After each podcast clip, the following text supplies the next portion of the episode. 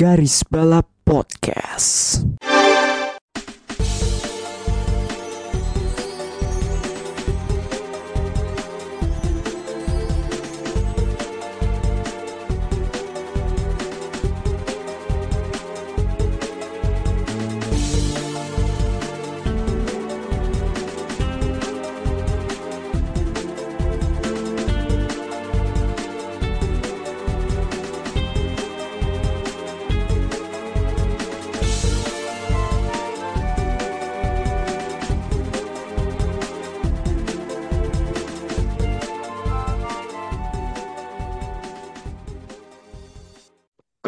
Lagi di Garis Balap. Garis Balap episode ke-125 episode bersama gua Bagus dan tentunya saya tidak sendiri dengan line up paket komplit kita ada Melinda dan Rifki. Halo, akhirnya. Untuk pertama kali semenjak kapan nih Mbak Dini? Terakhir kapan Semenjak ya? kap- Semenjak kapan anjing anjing? Ini maksudnya kita terhitung dari awal ya. Dari awal udah full line up. Ini sebelum kota Aing deh. Kota tuh terakhir eh kota gitu. ya, tapi kan sebelum tapi kan ya beberapa belakangan ini kan itu selalu muncul di pertengahan. Sama seperti Super Sub ya. Ya, Gitu ya. Ya, yes. tapi sayangnya tidak semua Super Sub bisa manjur juga sih sebenarnya ya. Kayak match-match kemarin lah di Premier League beberapa ya. Tapi ya sudahlah ini. Kalau nggak pergantian Super Sub di menit-menit 60, 70, 80. Mungkin Melinda mungkin di menit 50. Gak Super Sub juga sih gue tahu ke lagi. masuk aja. Ya pokoknya itulah, pokoknya eh, bikin bikin bikin bikin bikin overthinking saya jadinya. Yang menit 50 itu I'm sure. Tapi kita sama-sama rungkat ya kemarin ya Ki.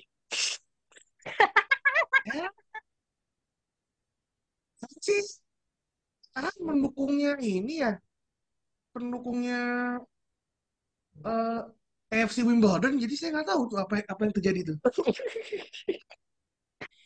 Ini sebenarnya tidak bukanlah sebuah fenomena yang harus diwaw-wow banget lah ya, seperti misalnya di WSBK kemarin yang menyelesaikan musimnya di Jerez dengan dominasi dari Alvaro Bautista. Back to back ya, kalau nggak salah. Iya. Back to back Alvaro Bautista eh, meraih gelar juara dunia WSBK bersama Ducati. Ducati di WSBK sama di MotoGP emang jago-jago ya dan juga gila loh. Gila, tiga balapan nggak nggak tiga balapan sih, tiga race ya. Eh jatuhnya ya atau apalah. balapan Eh, ini menang semua. disebutnya. Tetap balapan ya. Ini menang semua loh. Dari Aragon ke Jerez, Bautista. Tapi sebenarnya kalau kita berkaca dari hasil, ini membosankan. Tapi kalau kita berka- kita melihat balapannya, ini seru. Seru banget. Jangan Ya contohnya kemarin di balapan apa hasil balapan boleh template tapi tapi eh balapan hasil balapan boleh template tapi race-nya benar-benar seru parah. Tapi bentar ya, gue mungkin mau tanya ke lu nih Mel soal WSBK. Ini apa Hmm. emang pembalap WSBK-nya emang di lima besar atau tiga besar ini emang terlalu OP atau emang pembalap di belakangnya tidak bisa kayak memberi kejutan sedikit gitu? I mean ini terlalu jomplang loh menurut gue. Di luar balapannya seru ya. Ya, ya, ya, ya, what do you expect sih gitu kan sebenarnya tuh kalau Hmm. kalau aku ya, eh kalau dari aku sih emang mid pack-nya tuh emang nggak nggak nggak bisa sengejar itu dan memberikan surprise di top 5 atau top 3 gitu kan. Iya. Jadi ya I think the combination of both sih gitu. Hmm. Top 3, top 5-nya terlalu OP gitu kan. Meanwhile mid pack-nya nggak bisa begitu ngikutin banget gitu. Iya sih Padahal bisa uh-uh, Hmm. bisa sih kayak ngikutin dikit-dikit gitu. Cuman sekalinya udah nge- ngeblas ya blast aja itu top 3 sibuk sendiri dengan dunianya. Ya benar sih, tapi ya gimana ya gue harus bilangnya ya eh secara motor kan sama gitu kan Bautista sama misalnya eh rekan tim siapa? Rinaldi ya? Rinaldi, Rubens Rinaldi. Rinaldi ya. Dan juga ber- bermain dan juga emang Ducati sama Yamaha cukup cukup bisa memberi warna ya Kawasaki agak melempem BMW apalagi. Gak usah ditanya. BMW udahlah bikin motornya aja lah motor motor berperforma tinggi aja lah. Agak rungkat di sini. Tapi anyway selamat untuk eh, Alvaro Bautista eh, memenangkan gelar ke back to back di WSBK dan juga ini juga Aruba Dot It Racing Ducati juga menjadi tim champion ya di mana namanya? Di WSBK Mm-mm. Hondanya juga tapi ngomong soal Honda juga Honda juga rungkat di WSBK tidak berjauh berbeda dengan MotoGP. Berbicara soal MotoGP eh belum apa ya belum belum ah, belum apa gelar juara dunianya masih belum dinobatkan ya bisa dibilang. Masih the championship still on eh, dengan Jorge Martin yang meraih kemenangan kemarin di Thailand dengan kok nggak salah sprint dia juga menang ya Iya. Ya, sprint kemarin menang dan juga Bagnaia juga masih di puncak klasemen ya dengan meraih hasil runner up di balapan eh, utamanya dan juga diikuti diikuti oleh Brad Binder di posisi ketiga. Dan kita lihat ini perolehannya 389 poin untuk Bagnaia, 376 untuk Martin yang artinya ini selisihnya 11 poin. Ini akan ketat nih sampai akhir. Menurut kalian gimana? Eh, sudahlah. Mari kita lihat Valencia. Kenapa? Valencia. Valencia lagi. Sama kayak Valencia lagi. beberapa tahun terakhir. Kecuali kalau misalnya Qatar atau Malaysia ada yang rungkat aja. Nah, ya. Dan kemarin Bagnaia se- sebenarnya Bagnaia kemarin tuh balapannya bagus loh sebenarnya. Hampir, hampir, hampir, hampir aja. Itu kalau momen Hamiltonnya dia sukses aja tuh. True goes Bagnaia. Wah, Itu- itu- itu. Sejujurnya ya, kalau untuk balapan motor, kalau misalnya dia sukses itu benar-benar outstanding, benar-benar ya. Kalau itu mo- ini kita bicara balapan motor ya, bukan balapan mobil ya. Ya. Kalau balapan mobil mungkin masih bisa ada kemungkinan untuk nyalip di sisi luar, tapi ini motor, coy. Tapi defense-nya defense-nya Hohe keren sih. Ya, keren. Ya Ufnya ini bahas bahas dendam lah.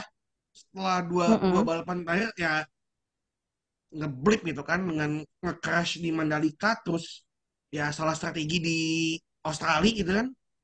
Hmm. Ini sih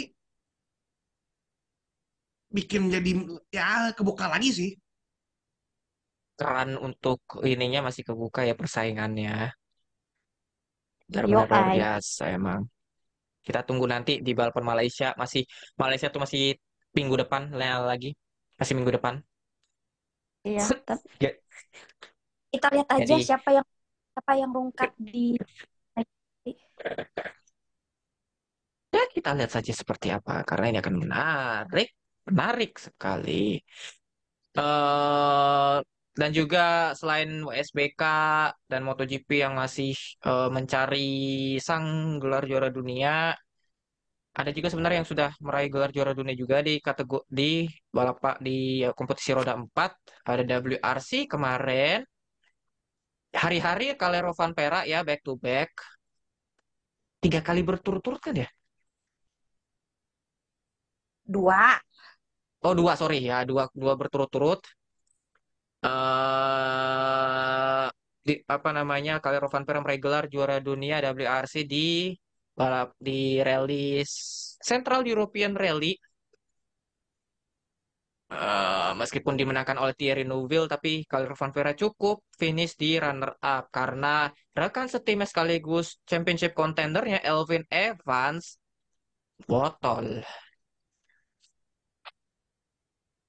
Itu mom- Ya deh. mom- momen momen momen itu tuh udah mulai udah pada saat Evans sudah tersingkir tuh udah kayak ah udah lah nih Rovanpera udah Ah ya, ah ya udahlah, Mm-mm. dan juga masih ya ada udahlah ya. potensi untuk potensi untuk kehilangan posisi dua loh dari eh, soalnya Thierry Neuville nih poinnya eh, agak tipis dengan Evans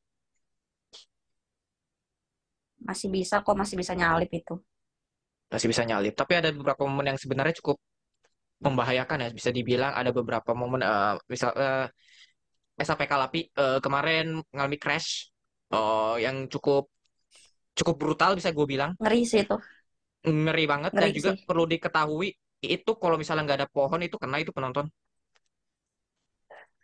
Kena itu penonton. Dan Ngeri juga ada beberapa itu. momen juga dan juga ada be- beberapa momen juga di mana penonton tuh kayak melewati ambang batasnya gitu loh. Kayak eh, apa mengambil gambar di tempat yang tidak seharusnya yang sangat berpotensi untuk mobil bisa masuk ke situ jadi kayak di Jeep- di balapan eh di rally Central European Rally ini yang berlangsung di Czech Republic, Austria dan Jerman ini emang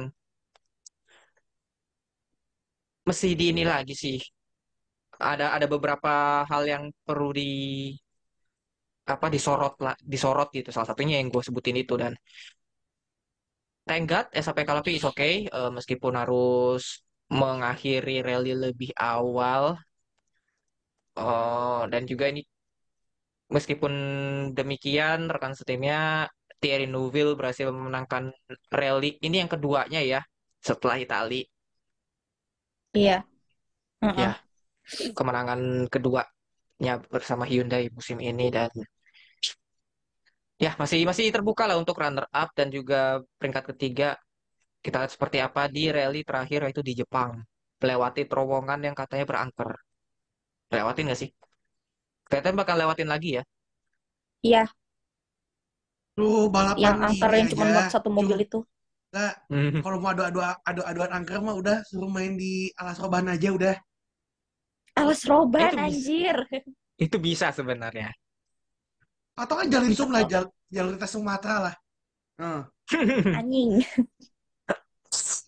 Ya itulah Eh, pokoknya. apa kita itu ya? Ap- Apa kita bikin itu ya? Iseng bikin kayak sirkuit apa yang kayak buat rally gitu. Lokasi mana ya Stage yang kayak yang pengen. stage yang stage yang cocok buat rally. Mm-mm. gua kira lo mau giveaway ini anjing IWRC. Anjing. Eh tapi game saya WRC ini pengen. Saya itu pengen game WRC sebenarnya. Bapak, gaji saya cuma sedikit ya. Ya bisa ama-ama jariah gitu kan. Amal jariah palamu. Membahagiakan membahagiakan kawan-kawanmu ini loh. Kawanmu. Kalau kayak gitu udah bukan kawan itu. Tapi ya see lah seperti apa. Selamat untuk Toyota Gazoo Racing hari-hari. Ah, Mm-mm. tapi ya kalau bicara soal dan juga ada ada beberapa berita menarik lainnya seperti kemarin di Formula E ya di Valencia pramusim ada momen yang sebenarnya bikin detik ser. Salah satunya ada kebakaran ya di tes pramusim hari pertama tepatnya di Ricardo Tormo.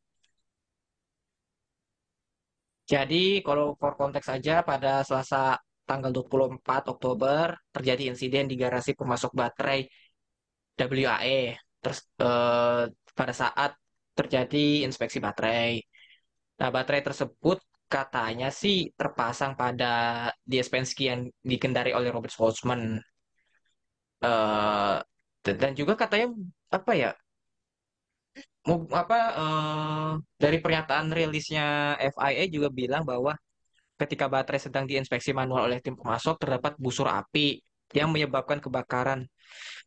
Dan ya, tapi kalian ngikutin nggak sih perkembangan soal insiden kemarin ini? Ini Aku sebenarnya cukup-cukup hangat lah. ikut. Ya, pokoknya begitulah intinya mah. Intinya begitu. Mobilnya The Vries kalau sempat kena juga ya. Oh, Anda tidak tahu seberapa sialnya Mahindra saat itu. Gosong. Iya. Jadi mobilnya ini apa? Jadi gosong. jadi chicken tandoori kah? Eh, Tiki Aduh, bener-bener. Tiki masalah. Oh, chicken masalah. Oke. Iya. Sama kayak namanya. Ya, tim ini emang masalah. Emang. Bermasalah. Dari musim Rungkat, kemarin. rungkat even sebelum seasonnya dimulai. Iya. Aduh. Emang emang ya, emang emang tapi ya. Tapi ya gitulah tes pramusimnya FA ya. Bisa dibilang oh, Mm-mm. tahu-tahu ada kejadian yang begitulah. Dan ya balap untuk FA sih dimulai Desember ini ya. Desember po? Meksiko. Meksiko ya? Meksiko. Ya sayang Mexico. sekali ya tidak ada sayang sekali tidak ada Jakarta. Ya, Udah. nggak tahu sih. Ya, Katanya sih makanya masih satu putaran aja udah. Udah bisa nonton. Ya, katanya sih Agustus ya. akan, Satu putaran aja biar bisa nonton kita. nggak akan, nggak akan satu putaran, man. Oke, langsung saja kita ke ada beberapa berita menarik seperti Super Formula kemarin ya, yang juga dinobatkan pem- apa gelar juara untuk Ritomo Miyata eh, dengan 114 setengah poin, diikuti oleh Liam Lawson dan juga Tomoki Nojiri. Tapi anyway soal Suzuka kemarin, thank God eh, si Itu Sasahara sama parah. Serem banget, serem Hiroki banget. Otsu, Tuhan. Hiroki Otsu baik-baik saja. Itu yang terpenting. Dan yang gue kaget itu Mm-mm. Sasahara ternyata mobilnya sampai terpental ke pagar pembatas. Pagar kawat ya, gue bilang pagar kawat yang di Itu luar itu ya, yang di luar pagar kawat apa loh ya. pembatas itu. Hah? Mm-mm. Setengah, setengah, setengahnya Pagar kawat badan loh. dari Ya mobil anggap itu aja, terpental. ya anggap Hah? aja eh, Silverstone tahun kemarin gitu. Ya, Cuman direplikasi di Suzuka. Itulah ya, kurang lebih.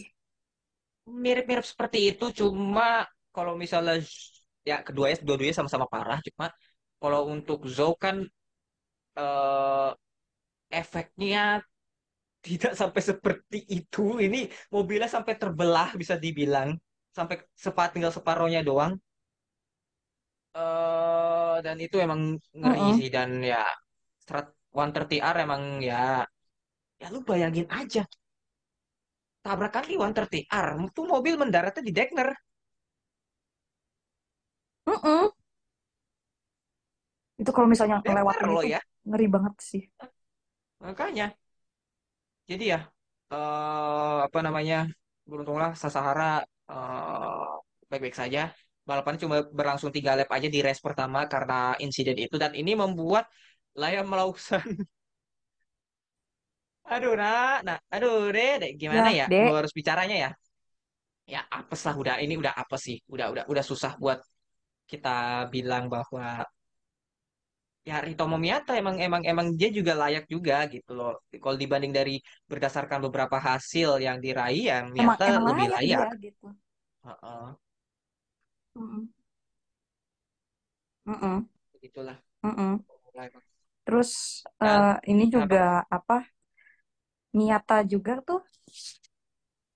Aku baca aku kalau nggak salah ya waktu tadi tuh aku sempat baca kayak ada tweet gitu kan kayak some kind of appreciation to uh, Miyata juga kan. Iya, jadi tuh eh Miyata itu tuh ada yang bilang kayak ada yang bilang kalau dia tuh sebenarnya have a development issue sama autism. Iya, iya, dan dan racing itu adalah his coping mechanism which is very impressive very impressive iya. gila Ya sih itu cukup kayak inilah, cukup menginspirasi sih anjir. respect gitu Hmm, Heeh, hmm. dan dan tidak hanya Super Formula aja kan yang dia menang tuh Super GT juga menang dia Super GT juga eh, dimenangkan juga si Miyata. Mm-mm. jadi kayak wow you have my respect bro Hmm, Dan juga perlu diketahui, eh Ritomo Miyata ini adalah pembalap eh, yang drivernya Toyota WEC saat ini. Dan Mm-mm. bukan nggak mungkin tahun depan bisa aja dia akan dipromosikan ke WEC. I don't see why Eh, not tapi gitu. ya why not? Tapi speaking of itu ada berita yang sebenarnya cukup mengagetkan ada Kusma ini atau diumumkan jadi pembalap binaannya Alpine. Em, gue nggak tahu harus mulai dari mana, tapi sejujurnya musim ini di F tuh sebenarnya di Kusma ini nggak buruk. Dan tahu-tahu dia di hire sebagai pembal sebagai pembalap binaannya Mika Hakkinen. Gue rasa perlu dikasih kesempatan nih anak.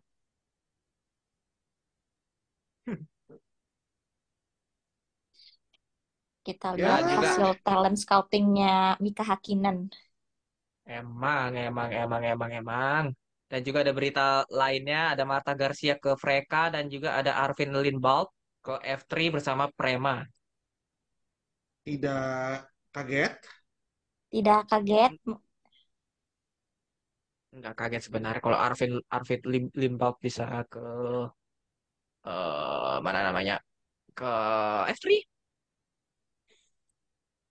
karena dia Ya, kaget. sebelumnya Cuman sebelumnya dia juara F4 ya eh iya kalau nggak salah. Berarti kan Oke, cek lagi. Alvin ke dia masih di pertandingan sama Red Bull berarti kan ya? masih Good. Karena Masih. kan Red Bull kabarnya lagi cuci gudang gitu kan? ya kalau dipromosikan gitu berarti masih berarti Bagus lah. Eh, Ugo tuh ke mereka apa ke F3 ya? Ugo rumornya ke Freka kalau nggak salah apa lupa gua tapi karir kartingnya sebenarnya cukup mengesankan eh, Arvin. Eh, walaupun belum pernah menjuarai kompetisi apa pun sebenarnya di single seaternya tapi dia juara WSK Euro Series eh, di mana namanya? Eh, di kartingnya. Nah, ini jadi salah satu eh, bibit yang menarik untuk kita pantau. Apalagi dia ke Prema berarti he has something to apa bisa dia buktikan. Gitu. Oke. Eh, kita langsung aja ke pembahasan berikutnya. Pembahasan utama kita yaitu GP Meksiko tapi sebelum ke GP Meksiko ada kita intip-intip dulu nih bocil-bocil kita. Oh, yang memulai debutnya di FP1, lima pembalap sebenarnya. Ada Theo Porcher yang mulai debut FP1-nya bersama Alfa Romeo. Terus juga ada Isaac Hajar yang mulai debutnya bersama Alfa Tauri. Lalu ada juga Jack Tuhan dan juga, Saya, saya, saya. Theo kan tahun lalu ini nggak sih? sorry Rala, Theo. Ini Theo, ini berarti ini ya pertama ya, berarti ya. Di musim ini. Musim ini pertama, eh, begitu pula dengan Jack Tuhan, kalau tidak salah, sama Frederick Vesti. Saya bentar, bentar, Oh. bentar. Kita cek dulu. Cek dulu tuh. Cek. Kok nggak tahun lalu ini nggak sih pas si pastry ke pastry ke ini apa? Hmm? Pastry ke Iya, Piastri ke ini itu? McLaren. iya kan? Udah berarti tuh. Ah, ah, ah. Ya nggak sih? Ya.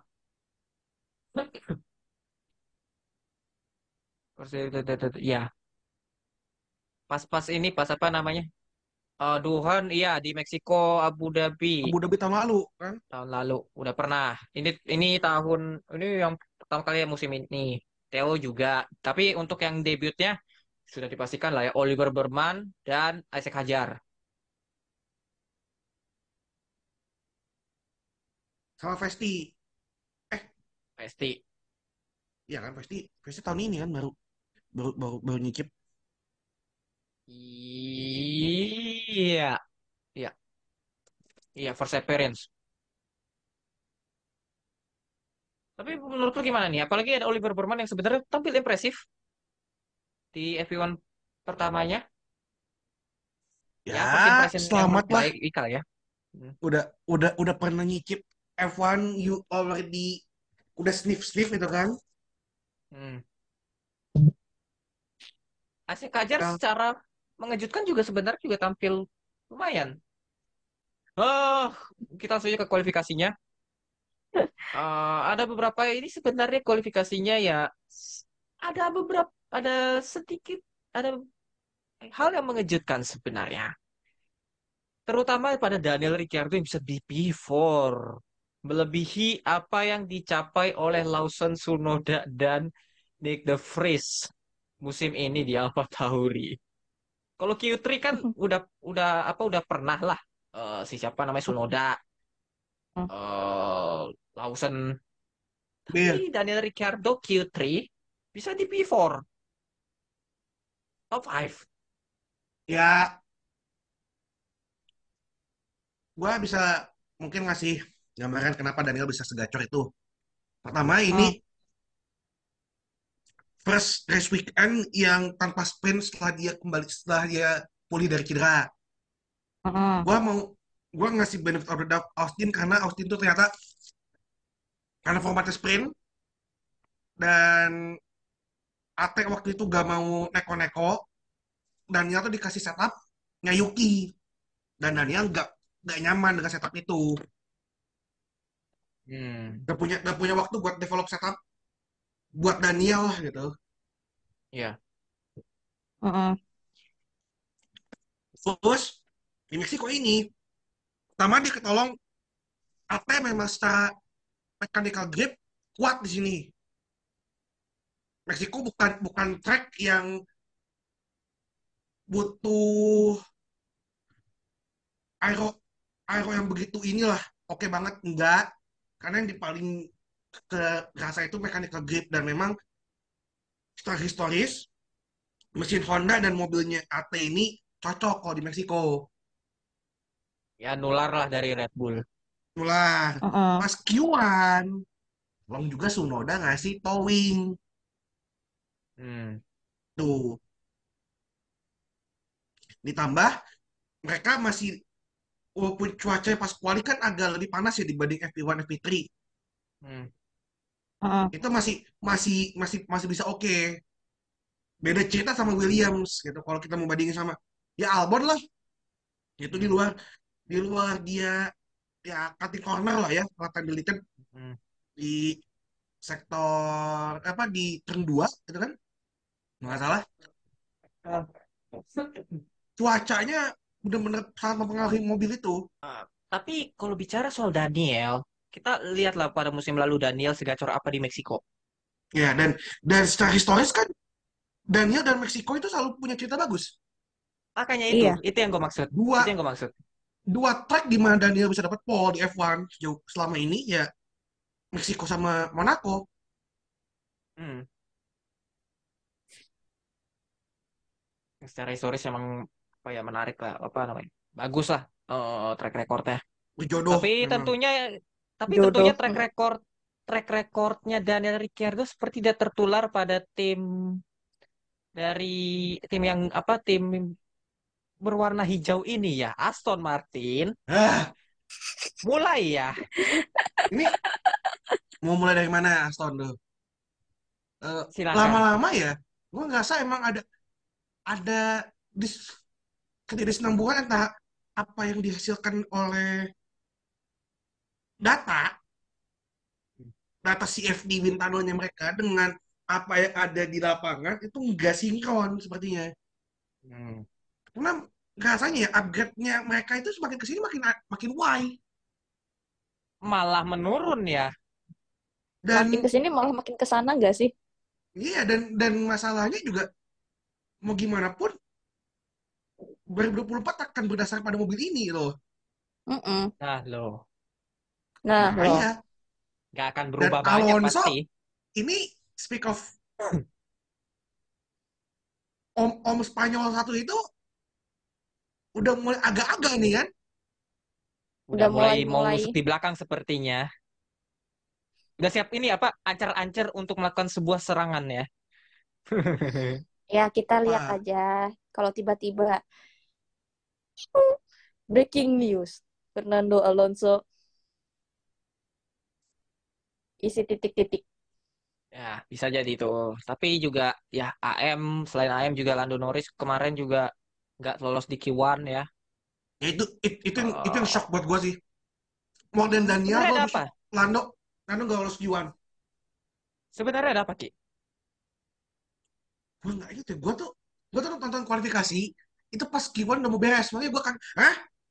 Saya saya saya kalau Lando iki gak lolos apa yang terjadi? Eh, kalau nggak salah dia salah strategi deh. Oke. Correct me if I'm wrong ya. Hmm. Terus ya Meksiko trafficnya sungguh-sungguh sangat-sangat kan. Mm-mm. Ya, hampir mirip kayak Monza nggak sih? Agak mirip sama Monza. Heeh, meskipun Monza lebih katro.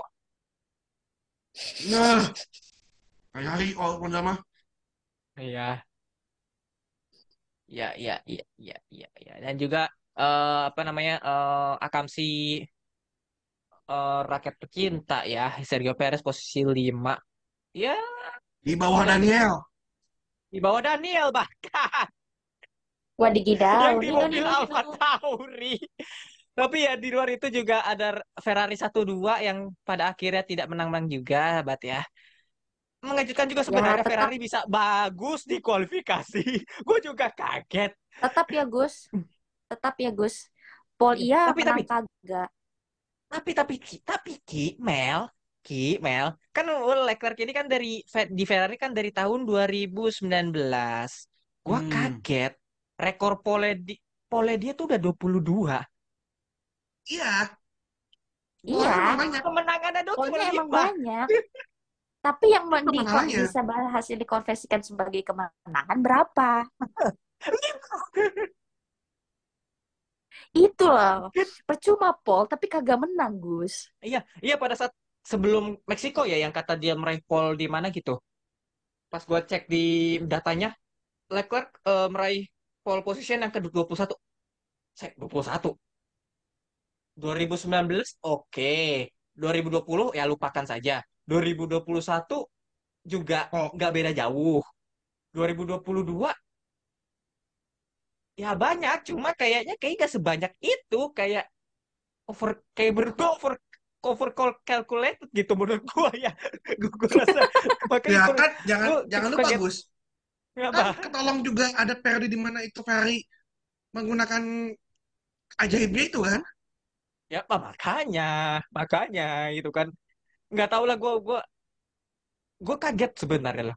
Leclerc bisa 22 pole di F1 selama Ya. 4 tahun di Eh. Ferrari gitu. Eh sebenarnya gini kalau kalau kita ngomongin Leclerc, gue nggak kaget Leclerc bawahnya gitu karena on single lap pace kita tahu lah Leclerc tuh gila. Iya. Gini, gue gua pengen pengen gitu ya ngeliat Leclerc satu satu mobil yang sama dengan Max. Aduh kenceng di one one lap aja, one lap shoot out. Bisa seimbang nggak sih? Pengen Or- lihat Atau lu bisa bilang bahwa Leclerc bisa melampaui Verstappen? bisa. Bisa. Karena buat gue, buat gue ya sorry ini buat fansnya Leclerc, but ya gue masih ingat Leclerc as Mr. Saturday.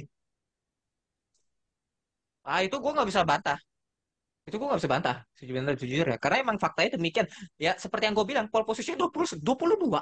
22 kemenangan Rasio 5. yang konversi jadi kemenangan berapa? Dari pole ya. Makanya Ya dari Makanya. Paul. Pole ke victornya berapa? Itu Paul dulu aja. berapa? dan juga jarang, jarang itu da- dan itu dari lima kemenangan itu paling cuma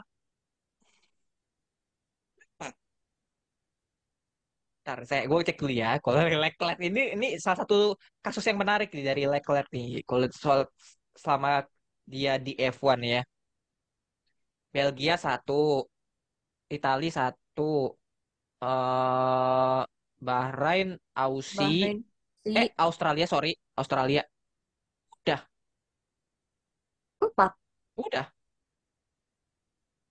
Satunya yang Austria itu yang kemarin bikin deg-degan. Oh iya. Sebenarnya kan kalau apa eh sebenarnya bisa Leclerc tuh menang dari pole tuh bisa, bisa. Cuma ya itu ada beberapa momen ajaib yang lainnya yang membuat itu menjadi tidak bisa dikonversikan menjadi sebuah kemenangan hingga akhirnya ya wes faktor mobil strategi dia ngebotol sendiri so nggak ngerti lagi lah tapi ya Leclerc ini pos position ke 22-nya ke 22-nya dan ya kita langsung saja mungkin ke balapannya kali ya. Sebelum balapan eh ada beberapa pertama Lance Stroll start dari pit lane. Karena apa namanya eh ada pergantian elemen ya pada mobilnya. Eh terus juga Yuki Tsunoda yang start from the back karena gantian power unit dan gearbox yang Banyak. lebih kuota. Langsung saja. Eh, mungkin gua nggak perlu basa-basi lagi. Kita langsung saja ke lap pertama. Menurut kalian itu Pertama. salah siapa? Nggak, nggak salah siapa-siapa. Nggak racing salah incident. siapa-siapa. Racing incident. Incident. Sisi Eh, incident kok. Iya, iya, kayak ininya adalah Qatar. Sama, mirip kayak gitu. Tapi Hamilton punya eh Hamilton saat itu punya andil lebih besar gak sih untuk bisa Ya di sini andilnya ada di Perez. hmm. Perez Karena yang lu Le- Leclerc mau ke mana lagi? udah itu udah gak ada ruang buat Leclerc udah gak bisa ke mana-mana. Kanan ada Verstappen kiri ya Ceko masuknya tanda, tanda petik ya rada maksa. Itu. Dan kembali lagi, Max Verstappen sepertinya punya jimat ya. Itu di momen itu, itu dua momen itu tuh Verstappen berada di posisi yang sama loh. Dan tidak Gini, terdapat apa-apa. gini, gini gue itu itu adalah eh, kenapa Max kayak gitu. Jimatnya tuh bukan macem-macem. Ada doa dari seorang ibu yang setiap minggu sebelum balapan itu berdoa pada Tuhan. Di eh, itu ya di gereja ya. Iya. Hmm, Yang mendoakan ya. keselamatan anaknya. Nggak kayak bapaknya ya. Ya, ini ibu jalur langit, papa jalur bogem. Nah, itu. Itu. Jalur diturunin ke SPBU. Yoi. Perez ya, kasihan banget ya. Harus berakhir di lap pertama race-nya. Ya, Collision damage. Ya, ya. gini, gini deh, kalau kita ngomongin Perez. Hmm. Coming to this weekend, kita cuma tahu ekspektasinya bakal kayak, bakal kayak gimana. Itu jelas. Heeh. Perez butuh kemenangan at least. Satu, Perez gak harus kemenangan sebenarnya. Udah satu victory. Podium aja. Podium. Atau di atas Dia, Hamilton. dia butuh podium. Dan dia butuh kualifikasi yang oke. Masalahnya, Kualifikasinya nggak, box nggak satu, buruk sih. box satu setengah ketik lah. Hmm. Buat gua harusnya at least P4. Harusnya. Bahkan nggak ya dengan mobil kayak gitu at least top 3 lah gitu. Di qualifier. Kayak hmm. Itu enggak, enggak dapat. Lap pertama ya tahu sendiri startnya Meksiko kayak kayak gimana. Walaupun efek slipstreamnya enggak enggak begitu masif, tapi itu lurusan panjang Panjang Dan Ceko, bener.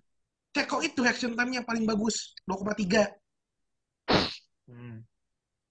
eh 0,23 detik reaction time-nya. Gue gua, gua masih ingat Yes. dan dengan ekspektasi seperti itu form jadi yang kayak kayak gitu tekanan sana sini. Ceko bing di usual Ceko ketika dia ada di Force India dan juga ini apa? McLaren McLaren buckle under pressure under pressure. dan Nah. ya jujur walaupun Red Bull tuh nggak nggak nargetin apa-apa ya ke Ceko maksudnya cuman dari tone bahasanya itu udah kayak itu order itu loh Hmm. karena that's the only thing Red Bull belum, pernah punya di zamannya Seb sama Weber lah Hmm. belum pernah Red Bull bisa one two 12 13 apa 11 13 lah Championship. ketika lagi dominasinya gitu kan Red Bull Hmm. nggak bisa satu dua nah sekarang nih gitu kan Red Bull melihat pintunya kebuka Cekonya Hmm. bisa nggak nyampe ke pintu itu Ternyata ya dengan sisa balapan tiga tiga. lagi Mm-mm. ya tiga tiga setengah lah kalau lo mau hitung sprint sebagai balapan kalau gua sih nggak tuh sama. dan Brazil historically speaking setidaknya di era ground effect ini itu kryptonite-nya Red Bull we all know what happened last year Yoi. Jelas. Nah. Las Vegas apakah masih akan akan terulang who knows kalau Las, Las Vegas masih abu-abu. Vegas akan tergantung bagaimana cuaca Vegas di waktu itu sih dan aspalnya apakah ini gripnya ada atau enggak Iya. Ya, Brazil akan dimanfaatkan oleh tim non Red Bull sih pastinya. Mengingat Dan secara tentunya- historical Red Bull Dan tidak tentunya- begitu. iya dan ada satu, satu orang lah ada satu orang yang benar-benar pengen banget menang the one and only Sir Louis Ya. Louis Hamiltonio Lewis. Yoi. Warga kehormatan Brazil itu Iya. Dan tentunya sepertinya Hamilton sudah mulai-mulai melakukan pemanasan ya sebelum Brazil, terutama apalagi di Meksiko kemarin. Wah.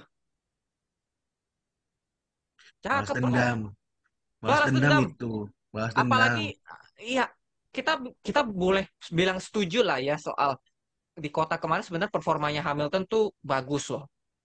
Se- itu kalau masalah hampir overthinking kalau masalah segi Ya. go- go- overthinking di kota dan itu mereka nggak illegal plank ya Iya, we can bet on some feisty battle antara Hamilton sama Verstappen mm-mm. Dan sebenarnya kalau nggak ada yang namanya eh, apa sih namanya? Nggak ada yang namanya DSG itu ya. Hamilton sudah berada di P2 oh jelas saat ini. jelas dan bebannya akan ada di Ceko after this. Wow. Sepertinya kita mulai mulai melihat Hamilton mulai berada apa namanya melihat mode-mode Hamilton di mode prime yang dimulai-mulai meskipun mobilnya mobilnya begitu dan juga strateginya begitu. pasti kalau gue ngeliatnya Hamilton pengen akan menjadi tanda petik pencapaian sendiri ya kalau dia bisa menjadi the best of the rest Iya. dan bisa nge-split dua Red Bull ini Benar sekali. Lihatlah Hamilton, tapi ada juga yang sebenarnya yang cukup mengesankan performanya Lando Norris. Uh, dari start dari posisi ke 17. Ya, tidak diragukan dia layak untuk menjadi driver of the day sebenarnya. Pada balapan kemarin. But, I mean Mm-mm. kalau Ya, dia mungkin- bisa lolos lolos lolos aja Q2 ya kalau dia bisa lolos ya itu dari Q1 gua sih udah punya feeling ini orang bisa podium podium at least podium dan ya kalau dibilang Lando Norris this is the this is his best race so far in F1 ya gue setuju berdasarkan dari aksi dia dan emang Aksi mobilnya juga overtake-nya. mendukung Ah, ah. mungkin kalau overtake ya Hmm. tapi I don't think this is his best ever enggak Hmm. Gua masih pikir dia di Silverstone kemarin masih jauh lebih bagus. For me ya, for me, Mm-mm. Mm-mm. tuh gue lebih suka drive-nya dia di Silverstone kemarin. Tapi anyway, soal Ferrari ini, Ferrari hari-hari balapannya normal, kalau bisa gua bilang. Tapi ini sebenarnya kan Ferrari incar satu pit stop kan. Sebenarnya gue strategi nggak sih buat mereka? Sebelum momen itu ya, sebelum momen yang nanti kita bahas. Kalau ada mau, dulu gue, gue ke record gue tuh baru nonton balapnya setelah red flag ya. Jadi gue nggak ada Ya, gambaran tuh. iya. Kayak kayak Kalau aku gimana. Cuman, nonton full sih. cuman kalau kayak Oke. gitu playnya, Hah, gue nggak yakin Verstappen bisa work sih. Walaupun memang dari cuaca juga Meksiko, ya. Meksiko itu memang ini balapan tuh borderline boring sebenarnya bisa bisa bisa dibilang ya. Not an ideal Hmm. racing track dalam artian kalau pengen overtaking yang melimpah gitu itu nggak akan dapat satu gue udah bilang tadi sering susah kedua ini tuh tipe balapan yang lo tuh bukan cuma jaga ban Hmm. lo jaga mesin dan lo jaga rem Ya soalnya emang suhu dan emang ke- ketinggiannya dari sirkuitnya itu itu cukup ini. Heeh. tingginya itu Altitude-nya yang yang bikin bikin ini lo mau suhu gimana pun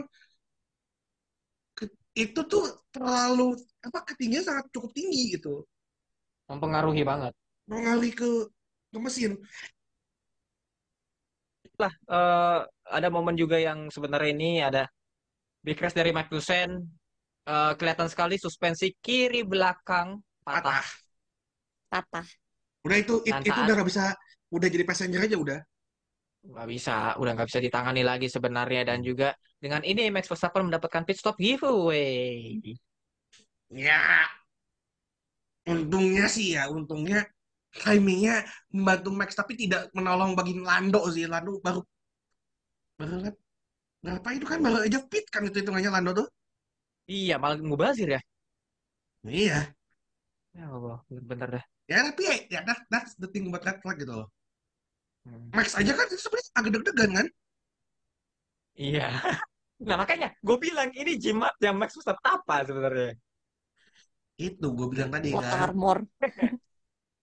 harmonia itu adalah doa, i- Dibilangin. doa, doa Bu. ibu kepada Hmm. sang ilahi dan bogem bapaknya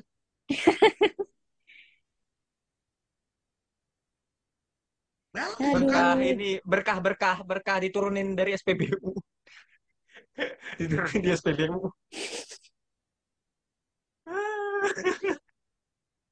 Bener-bener Max Max. Iya. Di luar itu juga setelah red flag ada beberapa ya Aston Martin hari-hari udah ini tim memang udah ya kehilangan Alonso mojonya Alonso kena bisa dibilang. Alonso ya DNF karena debris lap satu. Ya. Katanya. Ya nah Stroll. Kontak sama Bottas. Sundul sama Bottas. Ya emang itu juga emang emang salahnya. emang ada udah ada ada goblok Stroll juga sih. Maksa itu. Mm-mm. ya ya emang nih nih dua orang udah kehilangan mojo ya emang ya. Ya ya udah buat Stroll apa ini hiburan lah buat buat para pen apa fans Ceko di Forosol gitu kan jangan sedih ke Ceko ke Mm-mm. ini sampai ada yang berantem kan eh tapi itu momennya masih belum dikonfirmasi ya It- itu momennya setelah emang pad- setelah lap pertama atau pada saat red flag nah gue nggak tahu tapi yang pasti setelah setelah, setelah insiden itu sih Hmm. Nggak tahu nggak tahu apakah itu benar-benar the heat of the moment atau ya udah pas udah red flag. Karena ya it's alcohol fuse juga itu kan environmentnya kan. Ya iya ya Mm-mm. katanya juga banyak ada ini apa namanya eh, fansnya Ceko yang emang frustrasi udah gitu minum alkohol juga dibawa ke pengaruh alkohol ya was. Melampiaskannya ke fans Ferrari. Ya dan Mm-mm. kabarnya sih ya kalau dari si Chris Padland eh, itu bilangnya FOM apa F1 itu udah bertindak dan si pembuat onar itu yang nonjok tifosi itu di band seumur hidup. Wow. Wow, Which is that was Last time fast. dia menonton F1 di secara langsung. which is it- it's a good thing. Cuman nggak tahu nih eksekusinya nanti gimana. Bandnya mau kayak Mm-mm. gimana masalahnya? Itu kan yang Ya. jadi ini. Udah di udah tak not apa gimana? Gua nggak tahu. Ya bisa aja. Maksudnya yang atas ya Pak, mungkin mau mencontoh juga kayak di Inggris itu kan. Hmm. IPA kan Mm-mm. kayak kayak kayak gitu kan. Fans lo Iya. ketahuan ngadi-ngadi langsung kedetek aja. Dari Udah nggak usah CCTV gimana-gimana. kelihatan dari ini identitasnya dari wajahnya. Mm-mm. Mm-mm. Keamanan sekarang canggih, Bung. Gitu. Dan juga ya ada beberapa momen yang setelah red flag juga ya eh, misalnya Sunoda desperado bisa dibilang atau desperate putus asa sehingga bagi- Gus. apa ya kenapa? Tempat dan waktu kita persilahkan kepada Melinda. Monggo. Ah, mumpung anaknya ada ya. Idiot. Mumpung anaknya ada.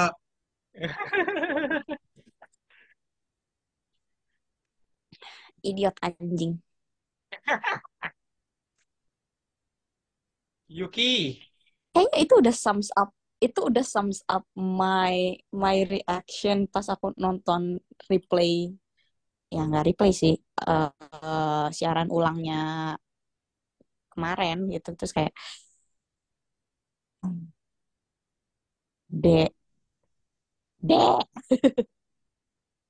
Tapi pas saat lu pertama kali melihat itu, lu emang udah pasti itu menyalahkan Sunoda dari awal lu melihat itu. Mm-mm. Oke. Oh, gue nggak akan gue nggak akan deny gue nggak akan deny juga gitu kan karena dia juga at the same time juga terlalu desperate untuk nyusul apa nge-overtake. Oscar gitu kan terlalu desperate emang ya aku akuin aja gitu emang terlalu desperate gitu gue nggak akan Tapi- nggak akan sampai nggak akan sampai kayak udah kok itu sa- bukan salahnya Yuki kayak gitu gitu no no no no no no no honey bagus, bagus, bagus, bagus, bagus. Kamu Ya, tidak, tapi tidak- kelihatan tidak taklid. pasif soalnya. kamu tidak taklid buta. Hmm. Iya gitu kan kalau ya kalau aku sih emang udah ngelihat aku udah ngeliat replaynya terus aku udah ngeliat pembahasan di tempat lain gitu kan di tweet lain terus kayak ya itu emang udah salahnya Yuki gitu. For for ya for information aja gitu kayak emang udah salahnya gitu. Bukan sesuatu yang harus kayak lu harus bela selamanya gitu. Betul. gitu. Jadi eh kalau aku personally ya emang udah udah udah emang salahnya Yuki gitu. Terus terlalu desperate terus pas radionya juga kan lu denger gak sih radionya Yuki setelah Ya itu it- itu menunjukkan betapa sangat putus asanya Yuki sebenarnya, frustrasi.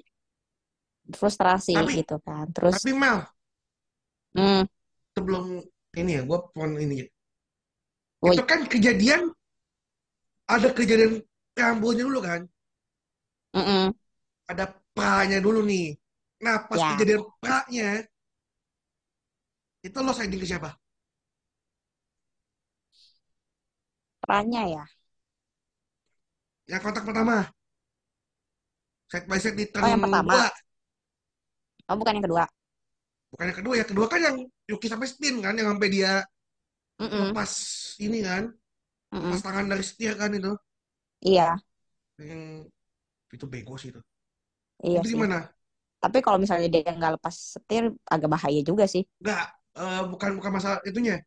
Maksudnya dia nggak langsung cepet-cepet pegang lagi apa gak cepet-cepet iya kurang Ini- kurang cepat ya, kan apa ganti headback headback kontak gitu loh.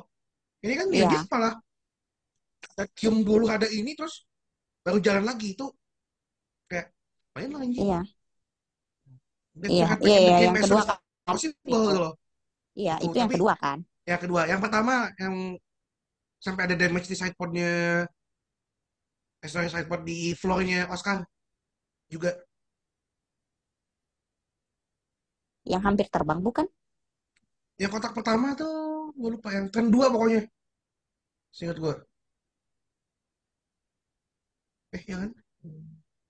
Iya. Aku lupa Ya, deh kalau yang dua. itu. Tapi ya ag- turn dua ya. Ya, turn dua. Eh, I would say, I would say ya posisi mereka juga kan mepet banget sih itu. Iya. Mereka berdua mepet gitu. Jadi ya I wouldn't ya aku bakal kalau aku jadi steward bakal noted noted aja gitu. Kayak no further investigation gitu aja sih. Kalau aku gitu. Cuman kalau yang kontak kedua ya emang dodol itu emang dodolnya Yuki aja gitu. Betul. Dan gue juga sepakat sebenarnya Yuki itu salah. Ambilnya lebih ke Yuki karena pas Piastri itu melakukan pergerakan yang pasif. Mm-mm. dan Eh, tidak ada pergerakan aktif dari Piastri sama sekali. mm-mm. cuman yang agak disayangkan tuh setelah eh yang radio itu Yuki tuh nggak nggak tancap gas lagi buat recovery position itu itu yang aku sayangkan Oke, kita langsung saja mungkin kali ya. Eh, dengan demikian selesai sudah pergelaran GP Meksiko. Lewis Hamilton makin memantapkan diri untuk mendekati Sergio Perez dengan hanya selisih 20 poin untuk Oh, memperebutkan ada. posisi runner up. Ad- ada momen yang ini, Gus. Ya ada, tapi Apalagi? ada goblok juga ini. TV Apalagi? karakternya nih. Last Ah. lap Ricardo sama Russell. Ingat gak lo? iya Iya. Itu anjing sih itu gak, gak ditayangin bangsat. Walaupun walaupun itu gagal tapi at, at certain point itu tuh udah bener-bener wah anjing bisa nih overtake nih. Iya. Si kampret malah langsung ngekat ke Verstappen gitu kan kenapa nggak di split screen aja? Bahkan di F1 F1 live ya pakai di, di F1 TV itu Mm-mm. itu pun sama nggak di nggak di nggak diliatin battlenya selama Dani itu Dan Ricciardo bisa membuat mobil AT setara dengan mobil Mercedes. ya mungkin gini Gus eh, Daniel tuh kayak simple kayak gini gini loh deh caranya untuk mem- memaksimalkan mobil AT yang sebapuk itu Hmm. ya ya sebenarnya kan semenjak ya pas Zandvoort itu kayaknya udah udah mulai kan Ata itu udah mulai agak berubah gitu kan mendingan Udah secara konsep Mm-mm. mobil Sekali. cuman ya kan Mm-mm. sayangnya Daniel malah keburu patah tangan kan patah lengan di Mm-mm. Dan Ford. Zandvoort itu dan dia pun udah Daniel pun udah udah excited gitu loh dengan dengan mobil mobil yang AT ini maksudnya eh walaupun ada limitasi yang masih ya nggak terlalu mirip tapi adalah ke, ke ininya apa kesamaannya dengan dengan McLaren tapi ya masih dalam range yang Daniel tuh masih bisa work on it gitu loh se ekstrim di McLaren Mm-mm. lain dia benar-benar harus harus berubah gitu loh Ya. Nggak ya patokannya Renault lah Renault 2020 nah itu udah bare minimumnya Daniel tuh seg- segitu dan ini udah Ya, udah paling balik tidak paling tidak se, se- bare minimum ya se 2020 itu Ricciardo. ya Oke, welcome back Honey Badger. Dengan ini bisa kita katakan ya berhasil di posisi 7 Eh, dan ya kita menanti aksi-aksinya lagi dan kita bertiga sebenarnya full senyum sebenarnya. Eh Lucky Albon poin, Lumel Ricciardo poin, Alfa Tauri kan, gua double poin, jadi happy. Un ya except eh, para rakyat Meksiko. Mungkin saya gue bilang. Oke, mungkin itu aja mungkin ya dari kita. Eh dan juga di persaingannya juga cukup menarik sebenarnya. Dan dengan finish Sainz Junior, poinnya sama dengan Fernando Alonso, cuma Sainz Junior ini di posisi 4 dengan poin yang sama dengan Alonso, tapi Sainz lebih unggul dari segi kemenangan. ya So, kita lihat ini Kebantu sih. battle-nya Ferrari sama Mercedes seperti apa, karena ini cukup menarik juga di konstruktor. Hanya selisih 22. poin. Wow. Gua nggak nyangka bisa sedekat itu. Mm-mm. Kita lihat apakah Mercedes ak- apakah akan apa namanya? Akan dibantu oleh Lewis Hamilton, the only Yakin. Lewis Hamilton. Yakin. Yakin gua. Gue nggak tahu. Oke, gue nggak tahu. Tapi intinya adalah kita lihat persaingan seperti apa. Oke, mungkin aja itu, itu dari kita pembahasan 125 Mm-mm. menit. Eh, 125 menit. Episode 125. Eh, Iya. sekian dari kita. Terima kasih bagi kalian yang telah mendengarkan di episode eh, yang satu jam lebih ini seperti biasa. Dan akhirnya kita full line up lagi dari dari dari half time hingga full time.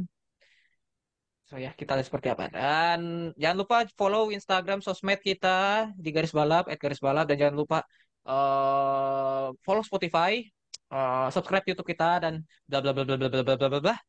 Dan yang pasti pantau sosmed kita juga untuk perkembangan motorsport selanjutnya. Itu aja mungkin dari kita. Gue Box Melda dari Rifki undur sampai jumpa di episode berikutnya.